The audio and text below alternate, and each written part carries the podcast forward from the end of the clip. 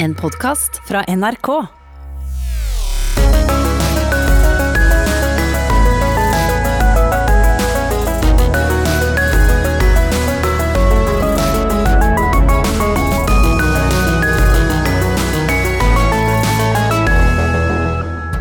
Han ene er produsenten bak den sjokkerende TV-suksessen Exit om sex og syndefall i norsk finansliv. Han andre er regissøren som mener at publikum utenlands er mer interesserte i norsk krim enn det nordmenn er.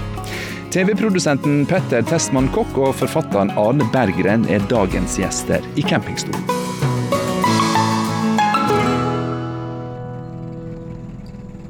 Ja, det blei rett og slett ei nyhetssak i seg sjøl at innspillingene av sexscenene i den nye sesongen av Exit måtte utsettes av smittevernhensyn. Så er spørsmålet hva er det som skal sjokkere oss i sesong to? Og hva er det med norsk TV-bransje som produserer suksesser for norsk og utenlandsk publikum uten å tjene penger? Dette skal vi søke svar på når vi sier velkommen til to erfarne menn i norsk TV-bransje. Petter Testmann Kokk og TV-regissøren og forfatteren Arne Berggren. Velkommen til brygga på Grimestadstranda. Tusen takk. Du Petter, du har jo reist hit fra Oslo for å møte oss i dag. Arne, du er den kortreiste gjesten fordi ja. du ferierer rett sør her på verdens ende. Rett og slett. Men så vidt innom innimellom masse innspillinger på et nytt prosjekt. Hva handler det om? Du er i Nord-Norge. Ja, det er jo ikke opplagte ting for en fra Oslo å reise til, til Indre Troms sånn i, i juli, men, men det, vi har vært der ganske mye de siste årene. Det er et fantastisk sted å lage TV-serier. og det, Vi kan eksperimentere der uten at noen spør hva vi driver med, nesten. Vi får liksom holde på i fred. Er det litt sånn som internasjonale bilmerker når de skal teste ut en ny modell, så drar de liksom opp til Inaresjøen? Ja, og så liksom med sånn presenning over huet og sånn. Uh, nei, altså vi Hva skal man si? Vi, vi holder på med en slags spenningsserie. Så, så, er det akkurat midt i Troms, så er det veldig kort til både sjø og fjell og vidder og dyp skog og elver og alt mulig. Så det er et fantastisk sted å, å prøve å bygge en, en, serie og et miljø. Da. Så det er det vi driver med. Litt sånn langsiktig forskning, bygge et uh, slags fiktivt univers. Mm. Men du holder altså på med en, en krimbasert serie som skal vises på en, på en skjerm en sted? Ja, du vil ikke si så mye mer om det? Telefonskjerm eller dataskjerm ja. eller TV-monitor. Vi vet ikke så mye ennå, men, men, men, vi har det fryktelig gøy der oppe på et sted som heter Filmcamp. Som er, er en sånn gammel militærleir som er, er bygget om av noen gærninger som heter Kjetil Jensberg og Svein Andersen, som tenkte her må det da gå an å lage et lite sånn Hollywood i Norge. Skal vi la ordet gærninger bli inngangen til deg, Petter Testmann Kokk? Ikke fordi du er gæren, men fordi du har gjennom serien Exit, som du er produsent for, skildra et miljø. Norsk finansmiljø, Aker Brygge. Sesong én ga oss saftige sjokk om livet på innsida av det norske finansmiljøet. Er det mer å ta av i sesong to? Ja, det er masse å ta av. Men jeg tror sjokkeffekten er litt borte, så det blir kanskje ikke like eksplisitt som sesong én. Men jeg kan garantere at det blir fortsatt scener som du husker fra sesong én i sesong to også. Okay. Vi er ikke fri for nakenhet og vold. Det er vi ikke. Men, men når du sier at jeg skildrer finansmiljøet etter sesong én, så har jeg snakket med mange og fått mange henvendelser fra folk i finansmiljøet som hevder at dette her ikke er deres virkelighet. Og det stemmer jo, det jo og det har vi heller aldri påstått. Det er jo, det er jo en det er jo et lite miljø. Mm. Ikke, vi, vi, har aldri hevdet at dette er generelt gjengs for, for, finansbransjen, men at det finnes, det er det ingen tvil om. Hva hadde Exit-serien vært uten sex? Det hadde ikke vært det samme. Og det tror jeg litt, litt av grunnen tror jeg er måten vi portretteres den sexen på. Det er ganske rått. Det er jo ikke noe kjærlighet i det. Det, ikke, altså, som, det var mange som spurte meg får det til de scenene. Så, ja, en del av scenene kommer vi til å få til uansett, for det er ikke, det er jo ikke romanse og kyss på munnen her. Her er det jo ren og skjær puling.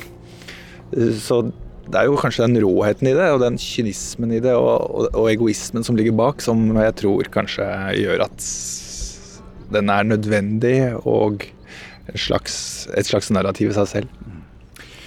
Arne, i korona- og karantenetida så er det jo mange som har brukt mye innetid på å se filmer og serier som de har kunnet strømme inn i sofaen. Strømmetjenestene er jo et himmelsk eh, tilbud til konsumentene. Men bransjen som produserer innholdet, har du nærmest framstilt som et rent helvete. Uh, ja, altså for vår del, når koronaen kom, så mm, begynte vel telefonen å ringe mer enn de hadde gjort. Fordi vi, vi, vi, vi har vel fått en slags uh, profil som noen som tester å gjøre ting litt enklere. Ikke så store staber og så mange folk på sett og sånn. Så, og, så, vi fikk en del forespørsler om vi kunne produsere under de forholdene som var. Og det sa vi selvfølgelig ja til, uten å egentlig vite om vi kunne. Men Så vi har testet litt, eh, litt i sommer og i vår med å jobbe med minimal stab og så lite utveksling av kroppsvæske som overhodet mulig. Og det har gått veldig fint, altså. Men du responderte ikke på, eh, på himmel og helvete-metaforen. Jeg ville inn på din kritikk av forholdene i norsk TV-produksjonsbransje. Hva er det du har retta kritikken din imot? Det, ja, det, er så mye rart jeg har sagt at jeg, jeg nesten jeg husker ikke. Men, men, men, det er klart at hvis vi skal ta én ting, så er det at systemet er eh, det er tregt. Det er ikke rigget for å tenke annerledes. Eh, det lages eh, det lages mye bra, men for produsenter, og særlig for forfattere og serieskapere, så har systemet vært uhyre tregt det er ikke noen produksjonsmiljøer som har eh, kontinuerlig produksjon utenfor Oslo på, på ordinær TV-drama. Det, det, er jo leit, det er synd. Så jeg mener jo at hele det systemet Norsk Filminstitutt og kunstneriske konsulenter og sånn, det, det, er rett og slett ræva. Det funker ikke for andre enn eh, godt etablerte produsenter, veldig ofte menn, over 60 år, som har skaffet seg sin første Jaguar for lenge siden. De er tilgodesett i systemet. Vet ikke om det var helvete nok. Ja, Det hørtes jo voldsomt ut nok, det. Eh, Petter, du har jo eh, for en tid tilbake så gikk du gjennom norske TV-produksjoner eh, over en viss tid og så på omsetningen i denne bransjen. Ganske formidable tall du kom opp med. Ja. 1,5 milliarder kroner i omsetning på jeg vet ikke hvor lang tid. Ja, det er jo årlig. Cirka, det kommer an på hvor mange av produsentene du tar med, men et sted mellom 1,5 og 2 milliarder kroner i omsetning på norske produsenter i året. Ja. Og, så er det tallet ganske stort eh, på årlig basis, men når en ser igjen på hva som blir igjen på kontoene her, så er det forsvinnende små beløp, ifølge deg? Ja, ifølge Brønnøysund-tallene så er det nærmest null. Siste gang jeg sjekket, så nå klart at distributørene de har, driver med andre ting også, ofte litt internettutleie sånn, men de har vel en fortjenestemargin på 14-15% Kanalene, de kommersielle vel å merke, for NRK er jo et nullforetakene, men de kommersielle er på 7-8% fortjenestemargin i snitt, og så er produsentene ned mot null. Så verdikjeden er jo ikke sunn. Det høres litt ut som kritikken fra norske bønder. Ja, det er litt sånn eh, Og det er ingen menneskerett å, å lage TV, men, men, det er noe med Det var jeg inne på. Altså, det sitter mennesker i posisjoner som sitter på en definisjonsmakt. Er vi flinke nok til å bytte ut den? Er vi bevisst nok på den? Er, vi, er, er kanaler bevisst nok på at de opererer i en slags oligopolsituasjon? Det er mye, mye, å diskutere, men til syvende og sist må vi jo innse at vi, det er ikke en menneskerett å lage TV heller. så vi og vi som gjør det, er vel kanskje idealister, i hvert fall her i Norge. Det er mer penger i, i store utland. Ja, hva er det som er drivkrafta da, Arne? Eh, år etter år i en bransje som eh, høres ut som den ifølge deg har gått litt ut på dato. Hvordan holder du motet oppe hvis det er så lite å hente og så mye motstand? For min del så har det vært at eh, det å skrive spillefilm eller drama for teatret, der, der, kommer det inn et system som, hvor forfatteren på en måte ikke er Det er regissøren som er den store guruen. Eh, da jeg begynte å jobbe med TV-drama, så var det, det var, man sa helst ikke til folk at man gjorde det. Eh, men TV-drama var ikke noe man var stolt av å jobbe med. Men så kom jo denne bølgen fra USA sånn på slutten av 90-tallet utover. Og så blir det et sted hvor forfatterne får mye makt. Da kan jobbes opp som produsenter og styre og herje litt. Så det, det liker jo forfattere godt, med våre svære egoer og tilsvarende liten selvfølelse. For liksom herje litt. Så det er liksom blitt forfatterens medium eh, i veldig stor grad. Petter, produsent, er det også en del av bildet her at eh, denne TV-produksjonsbransjen har mange aktører, eh, mange små, og markedet er ganske liten? Ja, det er definitivt en viktig del av bildet. Det er klart det er, det er eh, veldig mange produsenter i Norge som har lyst til å lage både underholdning og TV-drama. Uh, og det er jo ikke penger nok i et såpass lite marked. Uh, I Norge så lager vi rundt 30-35 spillefilmer i året. Så det lages jo allikevel mye til en befolkning på fem millioner mennesker. Og så er ikke det alt som slår like godt an som den serien du står bak, nemlig Exit. Arne, jeg må, jeg må pirke litt på dette. Du skrytte av eh, produksjonsmiljøet i Målselv eh, i Troms, der du produserte mm, serien Elven. Ja, vi lagde en serie der som gikk litt under radaren. og Det var ikke noe sånn at filmpolitiet gikk amok hvor bra den var. Men etterpå, så, og litt overraskende, så har den solgt til 35-40 land. Og den tusler og går, og gir ganske mye penger tilbake til ny utvikling. Hva er det, det som gjør at utlandet vil ha norsk krim fra Troms, men, men nordmenn eh, lar det gå under radaren? Franskmennene har sagt kan vi være snille få en til sånn med litt dårlig lys, et spennende lik og, og litt dysfunksjonelle politifolk i, med, med, i lekre omgivelser. Snedekte fjell. Uh, det elsker de, altså. Det syns de er bra. Litt sånn, litt sånn langsom thriller. Litt sånn den norske varianten av Nordic Noir. Det er de veldig glad i. Og når vi sender bilder nedover til, til eh, franskmenn og tyskere nå på hvor vi er hen Du kan ta opp kamera hvor som helst og, de, og, bare brenne av et bilde, og de sier wow! Exotic, exciting. Så, så det å komme seg ut til de stedene som utlendingene virkelig elsker i Norge, det viser seg å ikke være barcode. Altså det er, eh, er Nord-Norge, Lofoten, det er sånne steder. Petter, har eh, Exit-historien kraft i seg til å slå an også utenlands, eller er det bare lettsjokkerte nordmenn som responderer på dette? Nei, definitivt eh, masse kraft utenlands. Den har eh, tilnærmet den samme suksessen i alle de nordiske landene. Sverige, Danmark, Finland, Island. Enorm suksess. Skapte den samme debatten i de landene.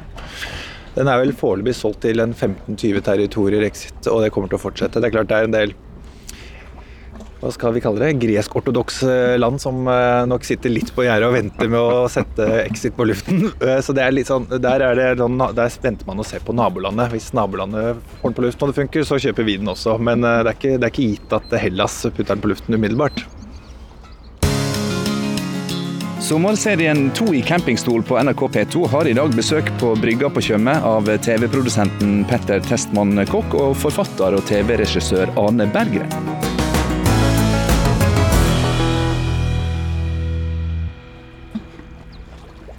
Salige Einar Førde sa i en stortingsdebatt en gang, da de diskuterte og debatterte innføringa av fargefjernsyn, noe sånt som at vi vet at arvesynda er kommet til jorda, men vi vil ikke se henne i fire farger.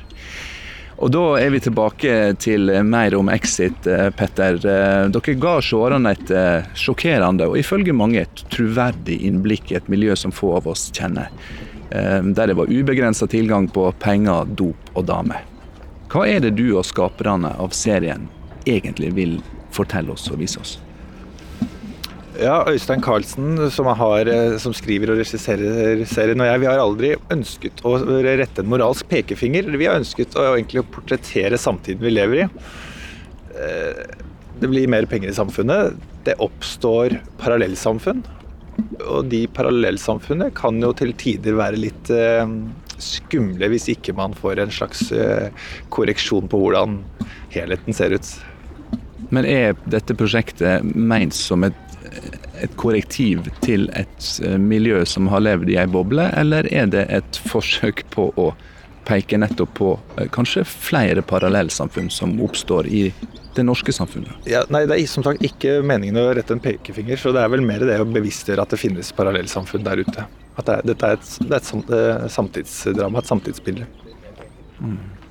Um, vi snakka i stad om responsen dere har fått fra folk som kan kalle seg finansfolk. og Da tenkte jeg på en annen suksess, nemlig franskprodusert um, Le Byrå, spionserien som eh, ifølge noen var så troverdig at det til og med pensjonerte spioner gikk god for eh, på en måte plottet og hendelsene i denne serien.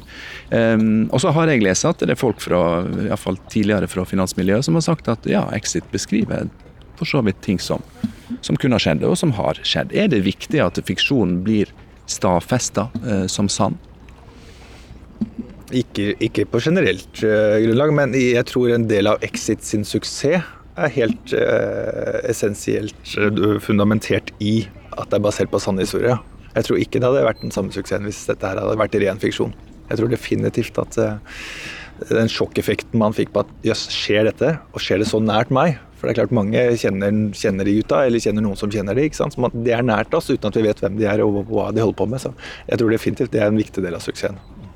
Arne, du skriver jo TV-serier, du regisserer, eh, du har gjort krim. Hvis du skulle, som Petter og gjengen, gå inn i et, eh, i et miljø, da, gå inn i ei boble eh, filmatisk, hva miljø vil du ha valgt deg da? Det er vel egentlig det, det vi gjorde med Elven i Nord-Norge, å se på altså litt mer fiksjon, men se på ting som folk der oppe var altså, engasjert i og snakket om. Sånn som Mehamn-ulykken. Eh, all paranoiaen som ligger mellom Russland, Norge, Finland, Sverige, grenseområdene. Og når vi da jobber regionalt, så er vi veldig opptatt av at folk i regionen skal kjenne det igjen. Sånn at ikke vi kommer inn og fremstiller den samiske befolkning som den okkulte gærninger med, med, med, liksom, med dop og, og sjamanisme. Sånn helt avskafte. Så, så, vi bruker mye tid på å prøve å forankre det og finne historier og få med lokale forfattere til å jobbe på det. Um, akkurat nå er vi veldig fascinert av hva er det politireformen, den såkalte nærreformen, betyr i Troms Finnmark. Hvordan er det å jobbe som politi når det er liksom Det ringer en dame midt på natta og sier det står noen og har knust vinduet her og skal inn i huset, og det er fire og en halv time å kjøre dit. Hva gjør du da? Du kan ikke gjøre noe annet som lensmannen enn å snakke med henne på telefonen og roe henne ned til det går over. Altså gå, gå inn i disse opplevelsene, de såkalte virkelighetene, syns vi er, er dritspennende. Dialog eh, og dialogform eh, har du valgt når du i sosiale medier i den siste tida har kommentert smått og stort fra norsk eh, samfunnsliv. Og da Norges Bank tilsatte en søkkrik sørlending fra London, og det viste seg at mange som var involvert i tilsettingsprosessen hadde vært på gratistur med den nye oljefondsjefen, da publiserte du hyppig dialogbaserte scener fra innsida. Ja, jeg, begynte en kveld og så begynte jeg bare Hvordan er det disse gutta snakker sammen? Hva er det som ligger bak denne utrolig idiotiske uttalelsen? Hva skjer hvis Hans Lyngstad ringer til, til Olsen hvem, og Tangen? Liksom, hvor gode kompiser er de, og hva snakker de om? Det var Det bare liksom tok av altså i huet mitt. da. Så jeg, jeg skrev en hver morgen i fire-fem uker. Fikk en sånn liten, sånn liten sånn klubb som fulgte med og kommenterte på det. Og det var mye mediefolk som liksom Jeg fikk begynt å få tips og sånn. Ta opp den saken. Det var jo et absurd uh, sak jeg drev med, men det var utrolig gøy å begynne å hva er det som skjedde? Hvordan er det for Slyngstad å komme på jobben og møte eh, Olsen på et møte i dag? Det, det, er jo, det, er jo, det er en absurd virkelighet de beveger seg i, de gutta. Petter, eh, du snakket om eh, parallellsamfunn i stad. og Nå skal ikke vi prøve å trekke noen veldig tydelige linjer fra skildringene i Exit til, til Norges Bank og nye oljefondsjefen. Men, men, når du fulgte med på den saken, tenkte du òg at ja, parallellsamfunn, eh, bobletenkning, to virkeligheter ja, jeg tror vi alle blir produkter av de miljøene vi, vi omgås i. ikke sant? Og det blir ny, vi, Man flytter jo den normalen ut ifra hvilke ressurser man har tilgjengelig. Og, og, det kan jo se på meg. Jeg begynte å jobbe i Freemantle for seks år siden, og plutselig så ved et par anledninger ble jeg hentet i sort Mercedes på flyplassen. Og så venner man seg til det. Og så blir det helt naturlig. Mens en 18 år gammel Petter hadde jo tenkt at herregud, skal jeg bli hentet i en sort Mercedes på en flyplass? Herregud, for et liv jeg skal få. Og det tror jeg jo skjer med disse her. Vi definerer jo oss selv innenfor de, de, områdene og de miljøene vi går i, og de pengene og ressursene vi har tilgjengelig. Og da flytter man seg jo vekk fra kanskje den man kanskje vil kalle den norske normen, da. Og det er jo kan jo være fascinerende, som Arne skriver om tydeligvis, å, å se på fra utsiden. Arne, var det noe i, i, dette som kom fram om eh, ja, tilsettinga av Nicolai Tangen og denne turen til USA og konserten med Sting. Var det nettopp på film? Jeg vet ikke. Det som jeg syns var morsomst, det er jo på en måte dette norske raseriet og hvordan vi vil ha de enkle svarene. Og den, den, der, den, ideale fordringen som vi er så glad i i Norge, at man skal være enten en helgen eller så, så er man helt nederst på, på linje med djevelen det var liksom det som utspilte seg litt i mediene, og det å leke seg litt med liksom, hvilke problemer sto de gutta ovenfor, sånn rent taktisk og sånn kommunikasjonsmessig. Det er absurde sett fra begge sider. Syns jo jeg var, var, var, det morsomme her, da. Jeg, jeg vet, det er en tid hvor satire har vært litt vrient. Ironi ikke går lenger. Eh, så var det plutselig tre-fire saker. Det var Equinor med, med Helge Lund, det var, liksom, det var, Tangen, det var krigen mellom FHI og Bent Høie. Det var så mye på en gang som gikk opp i en høyere enhet. Så plutselig var det sånn Det var litt satiretid igjen. Eh, man kunne være litt slem uten å ta stilling, uten at folk helt visste hvor man var. Det synes satte jeg veldig pris på med min lille Facebook-side Frontlinjen i fire-fem uker. Dette er sommerserien to i campingstol på NRK P2. I dag har jeg besøk på brygga på Tjøme av TV-produsenten Petter Testmann Kokk og forfatter og TV-regissør Arne Bergen.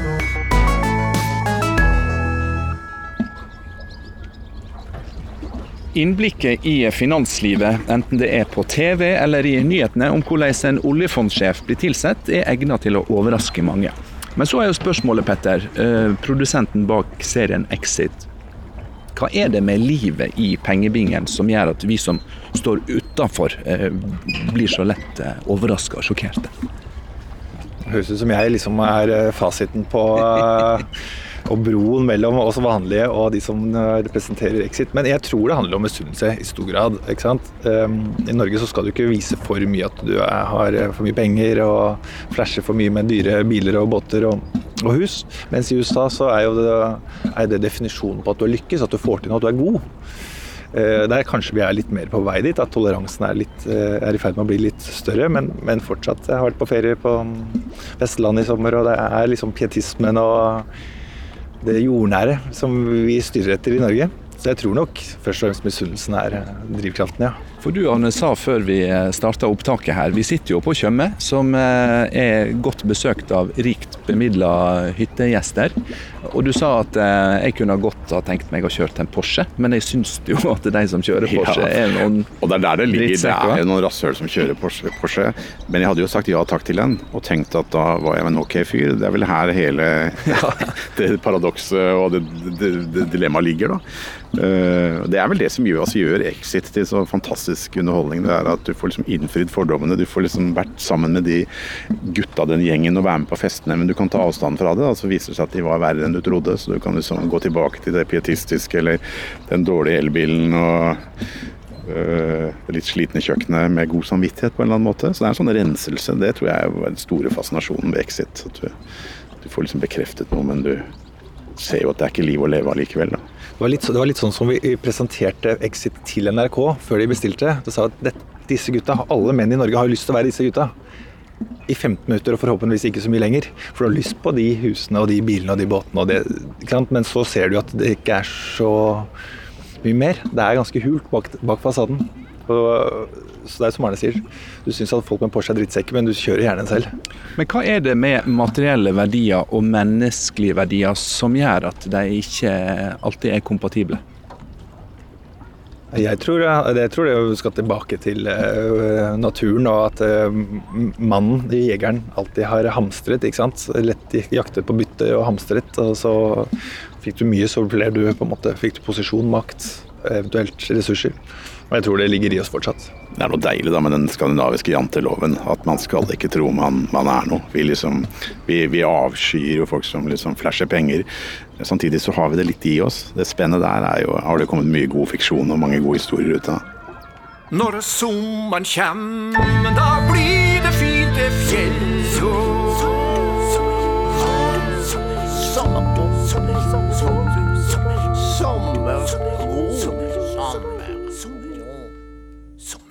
Hei, campingstolen. Det her er Henning Sommerro. Jeg lurer på hvordan du finner sommerroen? Nå satte jeg på Arne Berggrens sang 'Verdens ende' på vei ned hit fra Oslo. Og jeg må si at Nå er det noen år siden jeg har vært i Vestfold, men jeg bodde tenårene i Vestfold, og jeg syns at eh, å se på og høre lyden av vann dunke mot uh, båtene som ligger til kai, det, det er sommer for meg. Og verdens ende er jo ikke det samme som verdens undergang. Det er tvert imot sydspissen på eh, øya her ute, der du har ditt sommerparadis, Arne. Hvordan finner du sommerroen der midt oppi filminnspilling og alt mulig? Å våkne opp her nede og høre at det regner ute, og vite at han bare kan ligge under dyna og lese gamle Donald-blader og høre på regnet i en takrenne som det er hull i som noen burde ha fiksa for lenge siden, det er deilig, det. Å høre på det som ikke fungerer? Ja, vite at man trenger ikke å gå ut der søkkregner, så du, du, du, kan bare holde deg inne under dynen. Jeg, jeg liker sånne, sånne overskyede dager med litt regn og torden i horisontene. Men våkne opp til lyden av regn. Kanskje noen steker eh, bacon på kjøkkenet. Kanskje det er noen som røyker ut på verandaen. Så kommer liksom lukten av South State inn og liksom minner om barndommen. Det er sommer. Tusen takk, Ane Berggren, eh, og ikke minst takk, eh, Petter Testmann Kokk, for at du tok eh, veien fra Oslo til brygga her på Tjøme i dag for å snakke om sexscener, norsk finansliv, norsk krim i utlandet og andre TV-relaterte temaer. Takk for praten. To i campingstol er over for i dag. Lars Erik Ertsgaard Ringen og Håkon Haugsbø takker for at du hørte på dagens sending. Vi er tilbake på P2 til samme tid i morgen.